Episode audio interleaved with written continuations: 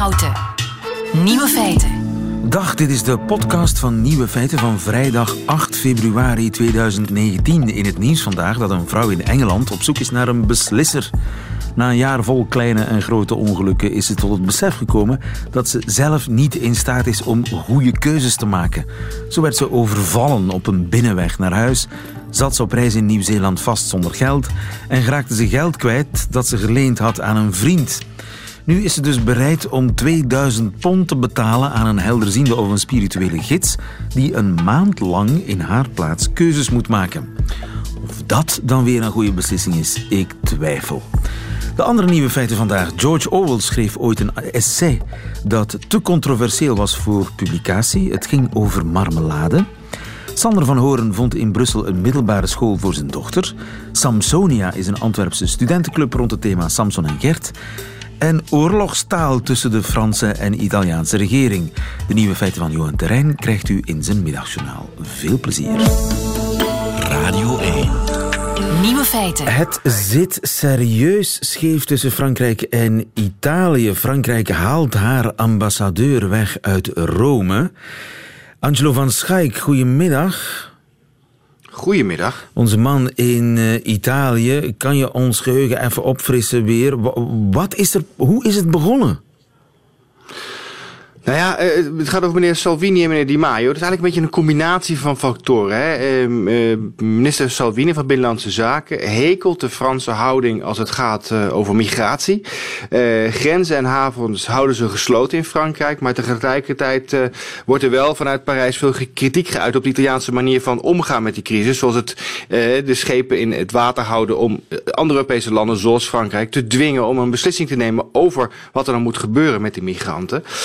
Um, dat is één. En ja, het feit dat, dat een andere vicepremier, namelijk meneer Di Maio, vorige week eh, naar Parijs is gegaan om daar de leider van de gele hesjes te ontmoeten. De gele hesjes, we weten allemaal wie dat zijn. Dat zijn mensen die protesteren tegen de regering Macron. En vooral dat laatste is Frankrijk wel een beetje in het verkeerde keelgat geschoten. Want um, het is namelijk nogal gebruikelijk dat uh, als politici zich bewegen en daar ook uh, zeg maar, politieke activiteiten uh, uitoefenen, dat de regering van het andere land daarvan op de hoogte wordt gesteld. En dat is in ieder geval niet gebeurd. Ja. En dat ja, dat vonden, ze, dat vonden ze niet zo heel erg leuk in Parijs. Ja, ik, ik zou het ook raar vinden mocht een Belgische vicepremier een oppositielid in Nederland openlijk uh, komen steunen en dan met, met allerlei selfies uh, daar reclame precies, rond maken. Precies. Dat zou, dat zou ook uh, in, in Den Haag heel moeilijk vallen, denk ik. Ik denk dat ze daar in Den Haag ook niet zo heel blij mee zouden zijn, nee. Uh, zeker omdat het een, natuurlijk een oppositiebeweging is die zo fel tekeer gaat tegen de regering Macron. En als je dan uh, als Italiaans politicus je zo openlijk uh, solidair opstelt met dit zo'n regering, dan zeg je eigenlijk dat de regering Macron niet deugt en dat die weg moet. En dat is natuurlijk niet zo heel erg handig, diplomatiek gezien. Dat moeten zij toch geweten hebben? Tuurlijk weten ze dat. Tuurlijk weten ze dat. Ze doen het ook niet voor niks. We, um, aanstaande zondag zijn er verkiezingen in de Abruzze, regio van Italië. Uh, komende maanden zijn er nog veel meer regionale verkiezingen. En in mei zijn de Europese verkiezingen. De Vijfsterrenbeweging staat er niet zo heel erg goed voor. Uh, de andere partij van de coalitie, van de Lega, die doen het veel beter. Die uh, zijn van 17% bij de verkiezingen van vorig jaar maart naar nu in de peilingen ruim 30. En ja, de, de Vijfsterrenbeweging is van 32% vorig jaar maart naar 25 gezakt. Dus ze zullen ja, zich moeten profileren. Ja, dat kan je dus blijkbaar doen door je opnieuw in de rol te schikken die het beste past. Namelijk oppositierol, uh, protestbeweging. En dat is blijkbaar wat, wat, wat uh, Di Maio heeft laten zien. Wij zijn nog steeds uh, tegen uh, de gevestigde orde. Want Macron is volgens hen toch wel een uiting van de verderfelijke oude politiek. Ja, en daar ga je tegen te keer. En dat is precies wat ze gedaan hebben. Dus uh, het is echt voor binnenlands gebruik. Die Luigi Di Maio heeft zich een uh, bij wijze van spreken, een geel hesje, een gilet jaune uh, willen aanmeten voor zijn eigen achterban. Ja, daar, daar lijkt het wel op inderdaad. Het moet wel gezegd worden, Frankrijk is wel een beetje een makkelijk slachtoffer in dit geval. Want eh, Italië en Frankrijk hebben een, een traditie of een historie van animositeit. Het zijn buren, maar echt heel erg lekker gaat het nooit tussen die twee landen. Um, dat gaat eigenlijk terug tot 2011. Daar, daar, daar werd het opnieuw even op scherp gezet. 2011 ging Sarkozy eigenlijk min of meer op eigen houtje samen met, met de Engelse premier, wie was het op dat moment ook alweer, naar Libië toe om Gaddafi uit... sorry? Maakt niet uit. Oh, van de politiek weet ik niet altijd alles. Um, om Gaddafi uit het zadel te, te, te wippen, dat is uh, gelukt. Hè? De, Gaddafi moest weg. Uh, er was heel, heel, erg oppositie tegen zijn regime. Uh, Sarkozy vond dat hij de oppositie moest steunen en bombardeerde vervolgens Gaddafi. De Italianen hebben dat altijd uitgelegd als Sarkozy wilde uh, zijn handen uh, uitstrekken naar de olievoorraden van Gaddafi. Waar uh, het Italiaanse staatsoliebedrijf Eni nou juist heel erg veel belang in had. Berlusconi, we herinneren hem nog, was een goede vriend van, van Gaddafi. En eh, daar profiteerde Eni van. De grote olievoorraden in, in, in, in Libië gingen voornamelijk naar Italië toe. Nou, uh, het feit dat Sarkozy zich daarmee ging bemoeien en zo uh, zijn slag, slag sloeg en uiteindelijk ook een deel van die olievoorraden naar Frankrijk sleepte, dat heeft in Italië niet heel erg veel goed bloed gezet. Ja. En uh, daarmee zijn die, die relaties tussen Frankrijk en Italië die al heel erg lang teruggaan. Ik bedoel, er is nog steeds gedoe over de Mona Lisa. Leonardo da Vinci is dit jaar 500 jaar dood, om maar even iets te noemen. Nou, dat zijn allemaal uh, dingen die meespelen in die relatie tussen Frankrijk en, en Italië. Nou, als je dan uh, de huidige Franse regering een hak kan zetten om er zelf beter van te worden, dan is dat een, een goede, ja, goede zet, zou maar zeggen. Maar toch, de laatste keer dat Frankrijk een ambassadeur uit Rome terughaalde was aan het begin van Wereldoorlog 2. Dit kan toch moeilijk zonder gevolg blijven? Ja, dat was toen uh, Benito Mussolini de oorlog verklaarde aan, aan Frankrijk. Ja, ja het, het, is een, laat zeggen, een, een heftig precedent. Uh, maar toch, uh, de, de, de Italiaanse, of de woordvoerder van de Franse regering, zei vanochtend op de Franse radio, meneer Benjamin Griveaux, zei vanochtend dat het niet zo'n vaart zou lopen. Het is vooral een signaal van Frankrijk om aan Italië te laten merken dat, dat Frankrijk het niet zomaar over zijn kant kan laten gaan. Al die beledigingen, al die opmerkingen over de Franse manier van doen, over Libië, over het of het Franse uh, koloniale beleid, het gebruik van de frank koloniaal nog steeds in, in, in delen van, van, van Afrika, die vervolgens volgens uh, delen van de Italiaanse regering weer het, de reden zijn van de grote uitstroom van migranten naar Italië. Nou, dat, dat um, dat gevoel, uh, dat, dat, dat, dat blijft straks niet zonder, zonder gevolgen blijven. Maar Griveau zegt van ja, uh, het is vooral een signaal om te laten merken dat ja, wij dit niet uh, over onze kant kunnen laten gaan. Maar het zal wel niet zo'n vaart lopen. Dat is tenminste mijn, mijn ja. inschatting. Ook de, de ambassadeur zelf heeft gezegd dat ja, Italia, Italië en Frankrijk uiteindelijk gewoon vrienden zijn. Ja, ja, uiteindelijk komt het wel weer goed. Italië gaat Italië nu zijn ambassadeur terughalen uit Parijs, denk je? Nee, ik denk dat het niet zo'n vaart zal lopen. Mattarella, de president, heeft uh, Conte, de premier, opgeroepen uh, om voorzichtig te zijn, om de verantwoordelijkheid te nemen, om die relatie weer te verbeteren. Um, er zijn ook mensen in het parlement van de, de, de oppositie die zeggen: ja, Italië uh, die isoleert zich op deze manier en dat is gevaarlijk. Italië zal, kan hier niet beter van worden. Ik bedoel, de, de, uh, Italië is van de weinige landen in Europa die inmiddels alweer in een recessie terecht ja. komt. Frankrijk is een belangrijke handelspartner. We moeten een beetje uitkijken. Maar ja, Di Maio roept nog steeds: ik heb me nergens uh, voor te schamen. Um, ik mag uh, als Europees burger gaan en staan waar ik wil. En ik heb niks tegen het Franse volk, maar blijkbaar wel tegen de Franse regering. Ja, eerst die het zal niet zo vaak lopen. Denk ik. Ja, ik denk dat het naar mij allemaal wel weer een beetje kan. En, en dan uh, komt de kant en het gezond verstand terug. Dankjewel, onze man. En de zon. In, en de zon, voilà. Niet, uh, misschien is dat nog het belangrijkste. Dankjewel, Angelo van Schaik in Italië. Goedemiddag. Nieuwe feiten.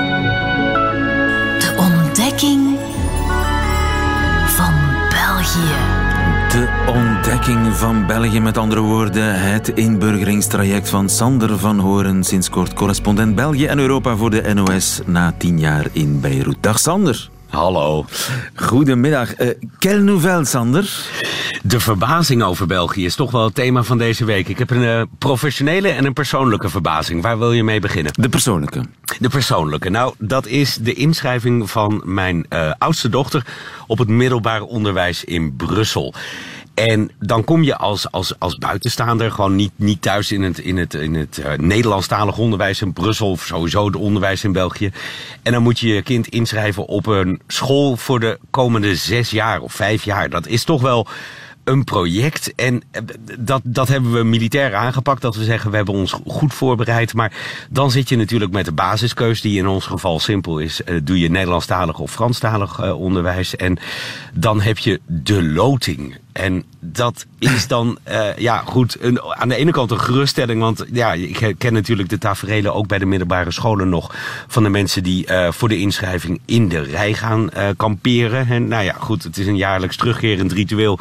Wat er nog altijd een beetje is. Maar dat, dat hebben ze dus in Brussel met een loting. Hebben ze dat proberen te voorkomen. Of ik geloof dat het in heel Vlaanderen is inmiddels.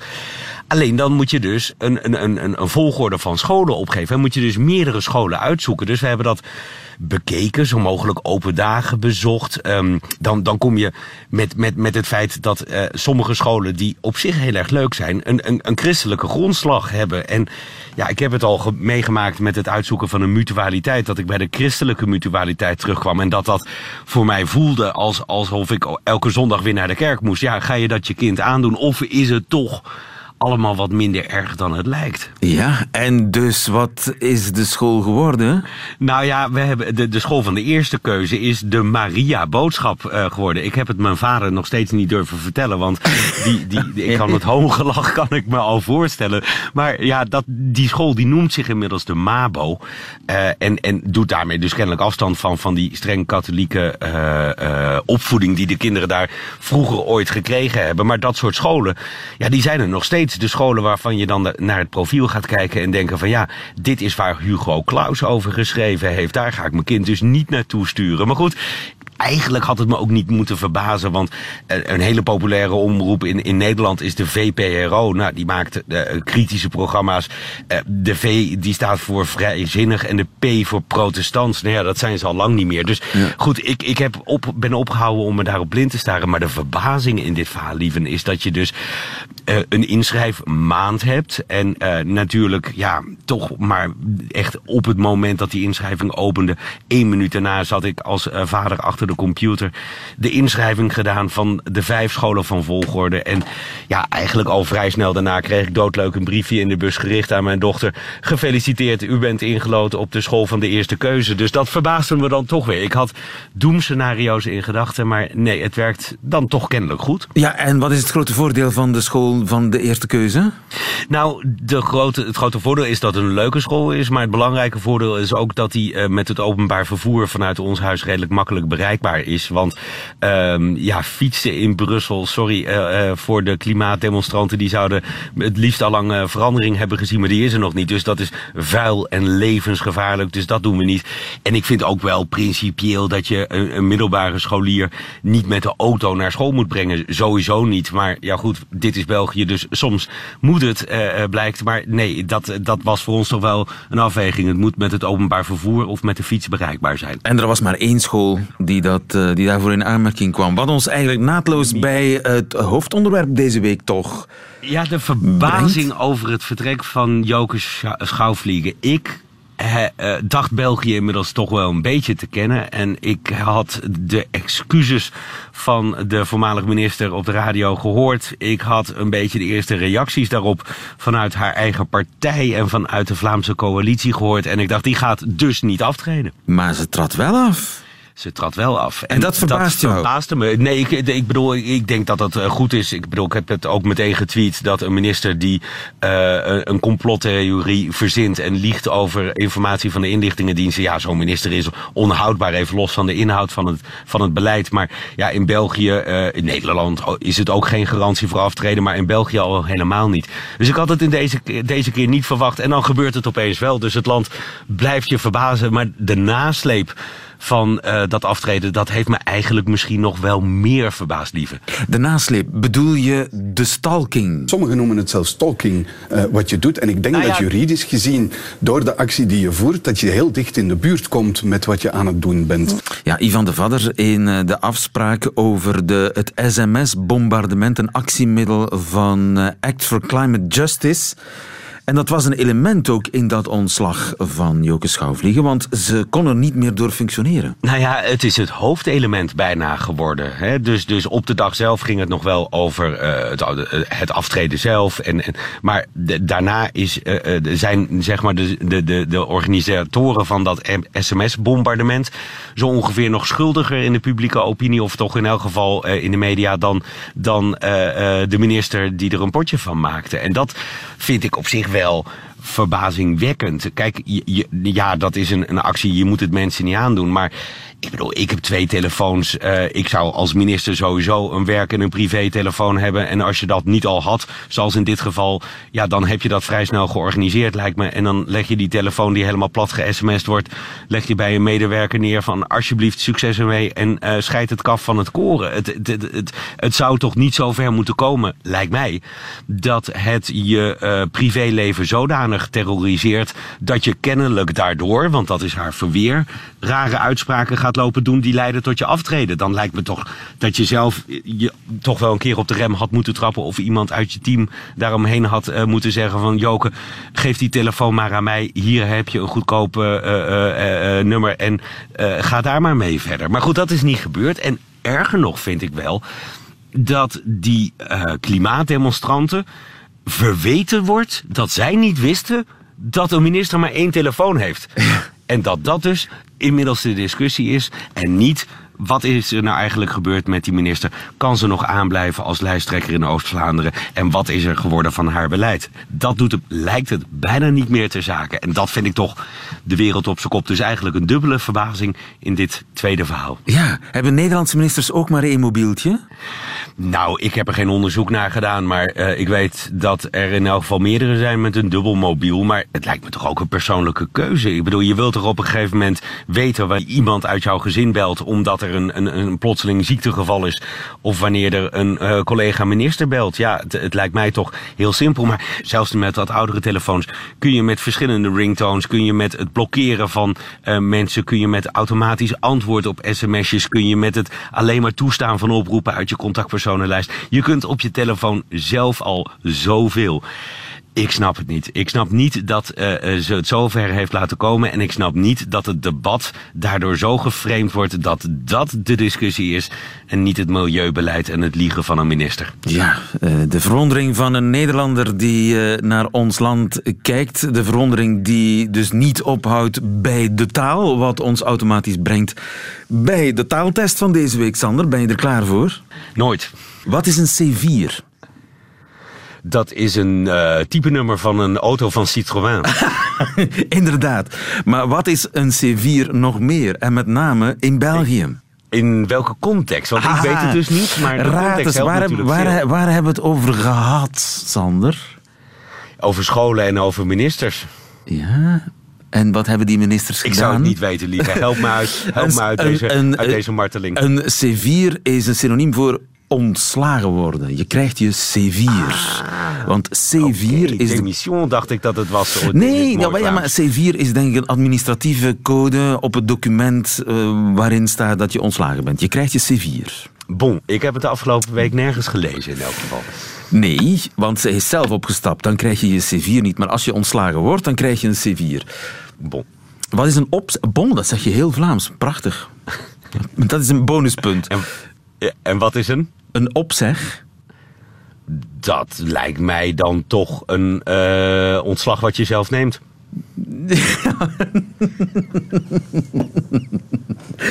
Bijna een opzeg. Of een abonnement wat je opzegt? Nee, ja, je, je zegt je abonnement op, maar je krijgt je opzeg.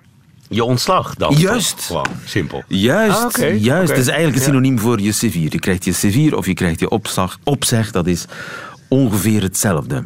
Ja, ja. En ja, dat we is hebben het al eens eerder gehad over het archaïs taalgebruik in de, de Belgische arbeidsrelatie. Hè? Ik moest laatst weer ergens iets invullen en ik heb dan toch maar gekozen om mezelf bediende te noemen. Maar ja. toen zag ik mezelf rondstappen in livrei met een zilveren schaal met allemaal drankjes erop op een ja. of andere manier. Ja, ik ben ook bediende. We zijn allemaal, allemaal nee, bijna precies. allemaal bediendes. En hoe heet dat in Nederland, een bediende? Gewoon een werknemer. Een werknemer. Arbeider, werknemers. Ja, Want dat is het onderscheid. Ja, de, arbeiders gebruik je bij ons ook eigenlijk al nauwelijks meer. Goed, maar dan heb je de blauwe woorden en de witte woorden. Uh, ja, ik, in Nederland ben je veel sneller geneigd om je functie uh, gewoon te noemen. Dus jij bent de presentator, ik ben een correspondent, journalist. Juist. Wat is ambetant?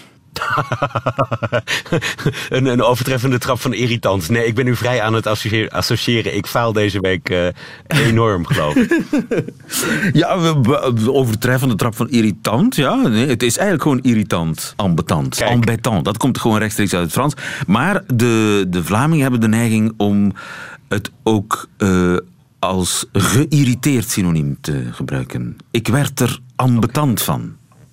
Ik word ja. er kun, je, kun je het ook wederkerig gebruiken? Dus de taaltoets in nieuwe feiten ambateert mij? Ja, dat ambeteert u. Ja. Je wordt er ambetant van. Ja, Oké, kijk. kijk. Nogthans niet ambetant bedoeld, maar uh, het kan ambetant uitpakken. Bon. maar toch gefeliciteerd met die bon. Dat raad, uh, hakken over de sloot, maar je moet volgende week toch terugkeren, vrees ik, Sander. ga ik doen. Met veel plezier verwacht ik je volgende week. Dag, Sander.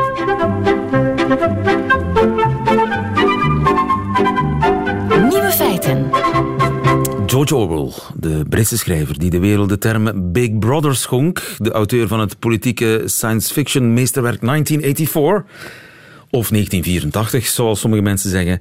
Die George Orwell dus, die schreef ooit een essay dat zo controversieel was dat het niet eens werd gepubliceerd, het werd afgewezen. Het ging over marmelade. Flipfeit. Ja, ja, het is, Je eh, glimlacht, maar marmelade is een ernstig onderwerp zeer in Engeland. Zaak. Absoluut. Ja. onze Engeland-kenner, de British Council, mhm. die destijds de schrijfopdracht gaf aan mhm. George Orwell. Die gaat, en dat is het nieuwe feit, de tekst alsnog publiceren. Na hoeveel jaar? 70? 73. De opdracht was gegeven in 1946. Uh, in april heeft hij het geschreven. In mei kreeg hij een heel beleefd briefje terug ja, dat het um, zijn uh, essay dus over de Britse keuken. Hè. Het was een eh, essay over de Britse keuken? Over de Britse keuken, ja. Dat was dus besteld. Je moet weten, de, de British Council, dat is een instituut dat de Britse cultuur uh, uitstraling moet geven in het buitenland. Het dus, Goethe-instituut, ja, maar dan ja, precies, uh, op zijn Engels. Opvoeding, uh, ik weet dus ook, Engelse taalkursussen in het buitenland. Overal in de wereld, ze hebben ontzettend veel kantoren. En dus, ja, het is een beetje een, een, een reclamebureau voor Engeland, voor de Britse cultuur. Juist. En, en hadden gevraagd van, meneer Orwell, u, u, grote schrijver, wil u een stuk schrijven over onze keuken? En dat deed Orwell. En toen lazen ze dat en toen dachten ze toen, in 46, oei. Wat was er mis? Uh, Orwell uh, moet je niks wijsmaken. Orwell is, is, heeft gevochten in de Spaanse burgeroorlog. Oorlog, uh, Orwell zegt de dingen zoals ze zijn. Hij noemt de dingen bij hun naam, recht voor zijn raap.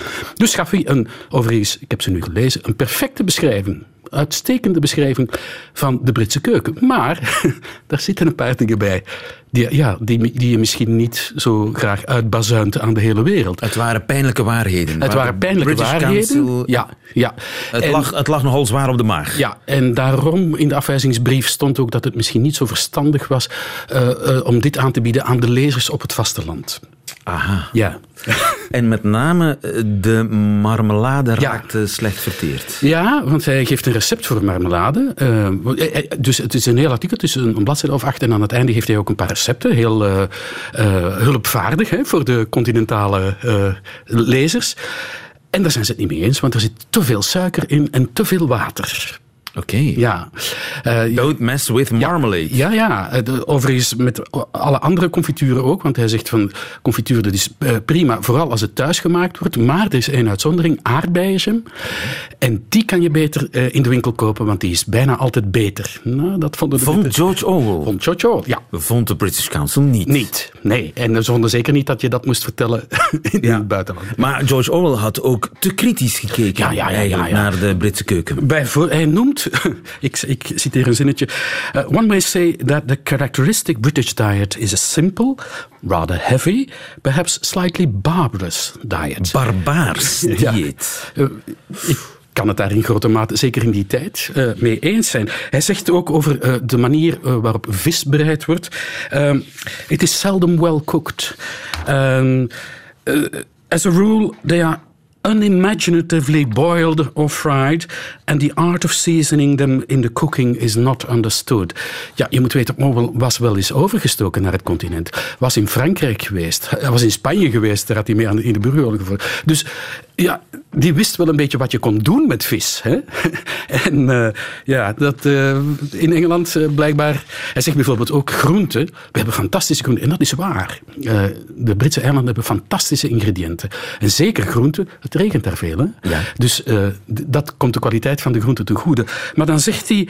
Um, they seldom get, die groenten, hè? They seldom get the treatment they deserve. Ja. dus ze worden platgekookt, met andere woorden. Juist. Juist. En nu na 70 jaar jaar mhm. vindt de British Council dat hij eigenlijk wel gelijk had. Mm, dat weet ik niet. maar uh, ze hebben dat toevallig die afwijzingsbrief gevonden, die heel netjes uh, door iemand van uh, het communicatiedepartement opgesteld is. en ja, die waren ze vergeten en ze lazen dat en ze dachten, oh, dit gaat wel over George Orwell, een van de beroemdste Britse schrijvers, wereldwijd record. Je hebt de, de, de, werken genoemd. 1984 had hij nog niet geschreven, want dat, je weet dat dat een omdraaiing is. Hè, van, nee, het is 48. 48 dit is dat moest nog komen. Uh, maar Animal Farm had hij denk ik wel net geschreven. Uh, dat prachtige uh, anti-Stalinistische sprookje. Ja, ja, hij was nog niet die levende legende die hij later pas geworden is. Maar toch een gerespecteerde schrijver, essayist, politiek schrijver, BBC-medewerker. Uh, en uh, ja, ze zaten er dus toen mee in hun maag, maar 73 jaar later nog veel meer, gezien de reputatie van de man. Dus dit is de knieval? Ja, dan is er iets wat typisch Brits is. Je zou kunnen denken, 73 jaar, we diepen dat op uit ons archief, who cares, niemand weet ervan. Maar dan zeggen de Britten van, oh, dat gaan we rechtzetten. En dus uh, schrijft de British Council prachtige uh, uh, brief, enfin, teksten op hun site. het woord apology komt er niet in, of in de titel een beetje. Maar ze zeggen toch van, um, dat, was, dat was een vergissing. En ze, en ze publiceren ook, zo zijn ze dan, hè, die afwijzingsbrief van toen. Okay. heel netjes erbij. En, en, ze vragen aan de erven Orwell, mogen we alsjeblieft de hele tekst publiceren? Okay. En de erven Orwell hebben dat grootmoedig toegestaan. Want de marmelade is verteerd ja, na 70 jaar. Heeft hij zijn centen eigenlijk gekregen. Ja, ja en, dat is ah. ook heel mooi. Ja, eh, in het briefje staat dat hij 20 guineas, dat is 1,05 pond, uh, kreeg, getikt. En daaroverheen is nog gekrapt 30. Okay. Dus, dus ze voelden zich toen toch al, ook al een beetje gegeneerd dat ze het afwezen. En dat, dat is niet niks, want ik heb het even omgerekend. Dat is ongeveer 1500 euro. Dus dat is netjes. Toen, 1946. Toen, ja, en heeft het nog eens kunnen, kunnen verkopen aan een krant. Dus uh, het was geen moeite voor niks. Maar uh, in de kranten nu staat wel dat we nu enigszins begrijpen waarom George Orwell een niet zo'n hoge pet op had van de British Council. Dankjewel, Philip Feiten. Goedemiddag. Nieuwe feiten. Kent u Samsonia? Nee, het is geen SOA. Het lijkt er een beetje op. Het is een studentenclub in Antwerpen. Pas opgericht en nu al heel succesvol. Speciaal bedoeld voor studenten met een Samson en Gert fixatie. Samsonia, heeft u hem? Onze reporter Brecht, die zelf meer een Merlina-mannetje is. Ik ben generatie De Kat. Die reporter Brecht die ging naar de jaarvergadering. Hey, waar is de chocolade? Op, op, alles is op. En waar is de limonade? Op, op. Tobias en ik zelf zijn eigenlijk de prezes. We noemen, je kunt dat zien als we zijn een prezes, maar we noemen dat ook de geertje van de vereniging. Uh, gewoon omdat we werken met termen gelijk dat je die in Samson de Gert ook kunt terugvinden. De Gert. De Gert, ja. Gert of Gertje. Moet eigenlijk, uh, dat, mogen ze, dat mogen ze kiezen. Ralf is onze zedemeester. Die zorgt eigenlijk uh, dat de zeden binnen een club bewaard blijft als mensen te zat zijn. Die deftige manier thuis kunnen raken of zo. Dan hebben we eten, dat is Marlijneke. Uh, gewoon een functie, omdat zij de vriendin is van mij. Uh, maar ze helpt ook wel mee met de feestjes. Net zoals Jeffrey, die is uh, Dux Festi, die is er ook voor de feestjes. En hij is ook secretaris, hij gaat ook het vergaderverslag maken. En dan hebben we Laurens, dat is de pregustator. die mag altijd als eerste drinken op de feestjes. De essentie blijft wel feesten. Dat moet niet per se feesten zijn. Gelijk als we naar de kerstshow of zo gaan in Plopsaland, ja, dat is dan gewoon plezier maken.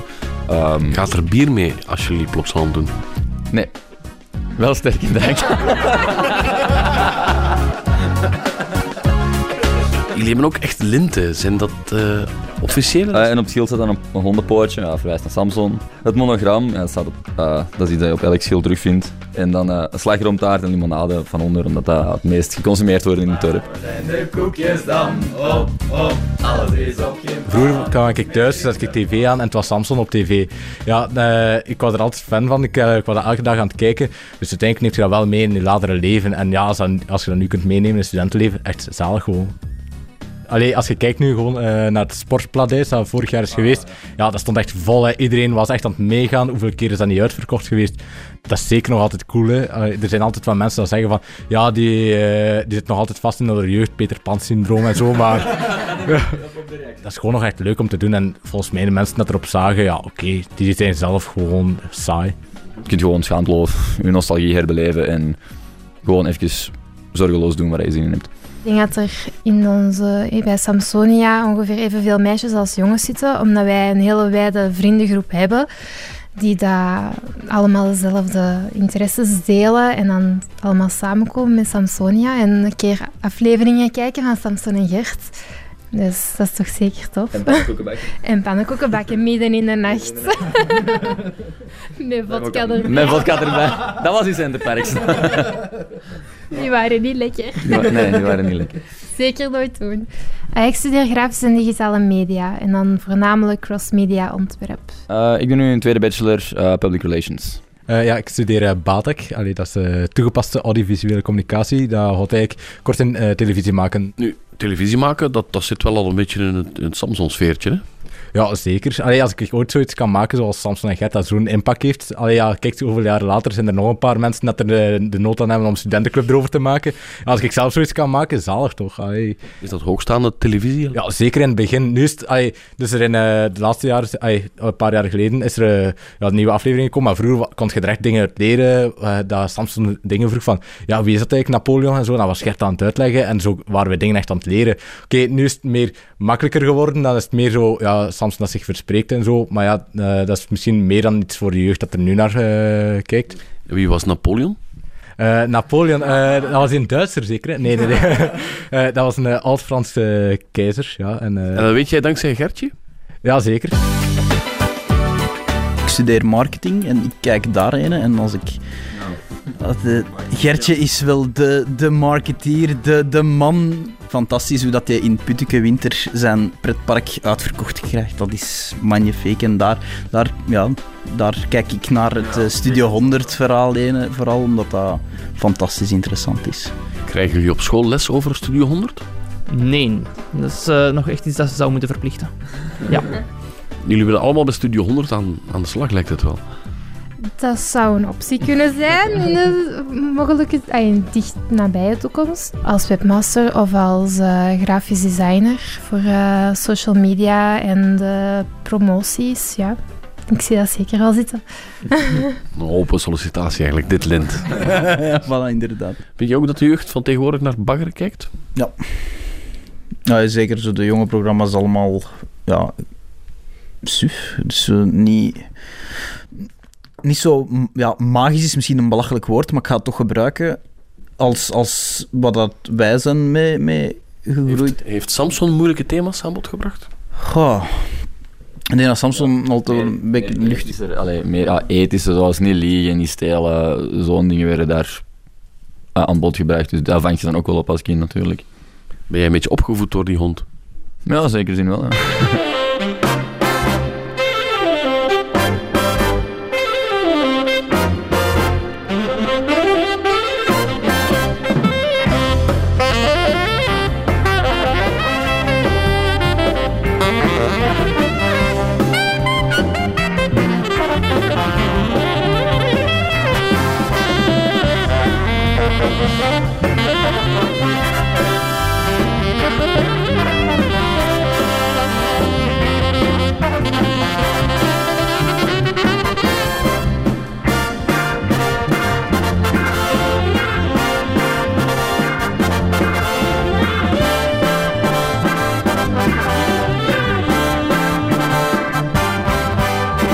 Mag ik ook een portie uh, nostalgie? De eindtune van de kat, inderdaad. Uh, alle katgeneratiegenoten van mij, die zullen wel het bewegingetje zelfs van de kat konden, kunnen nadoen op het einde. Johan Terrein in het Middagjournaal. Nieuwe feiten.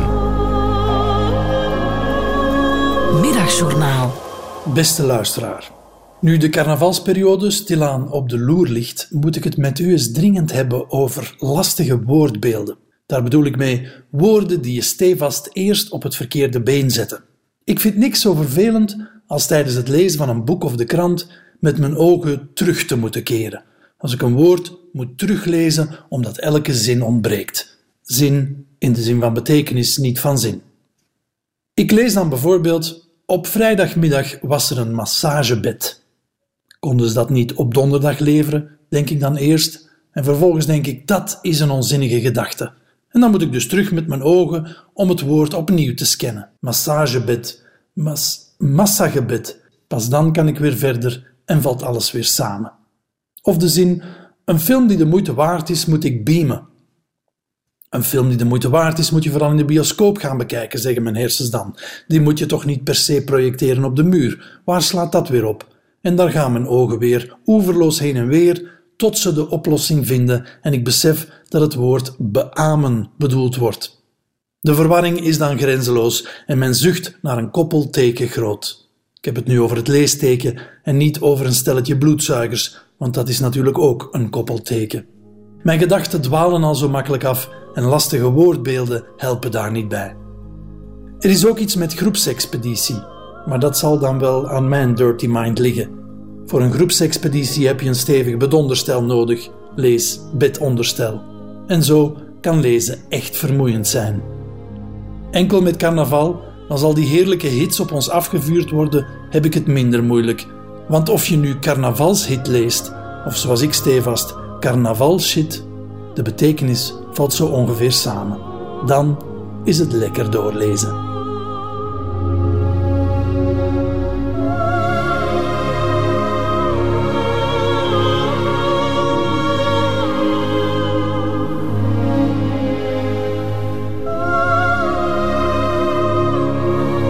Middagjournaal met Johan Terrein meteen het einde van deze podcast, maar u vindt er nog veel meer op radio1.be en op de gebruikelijke podcastkanalen. Tot volgende keer.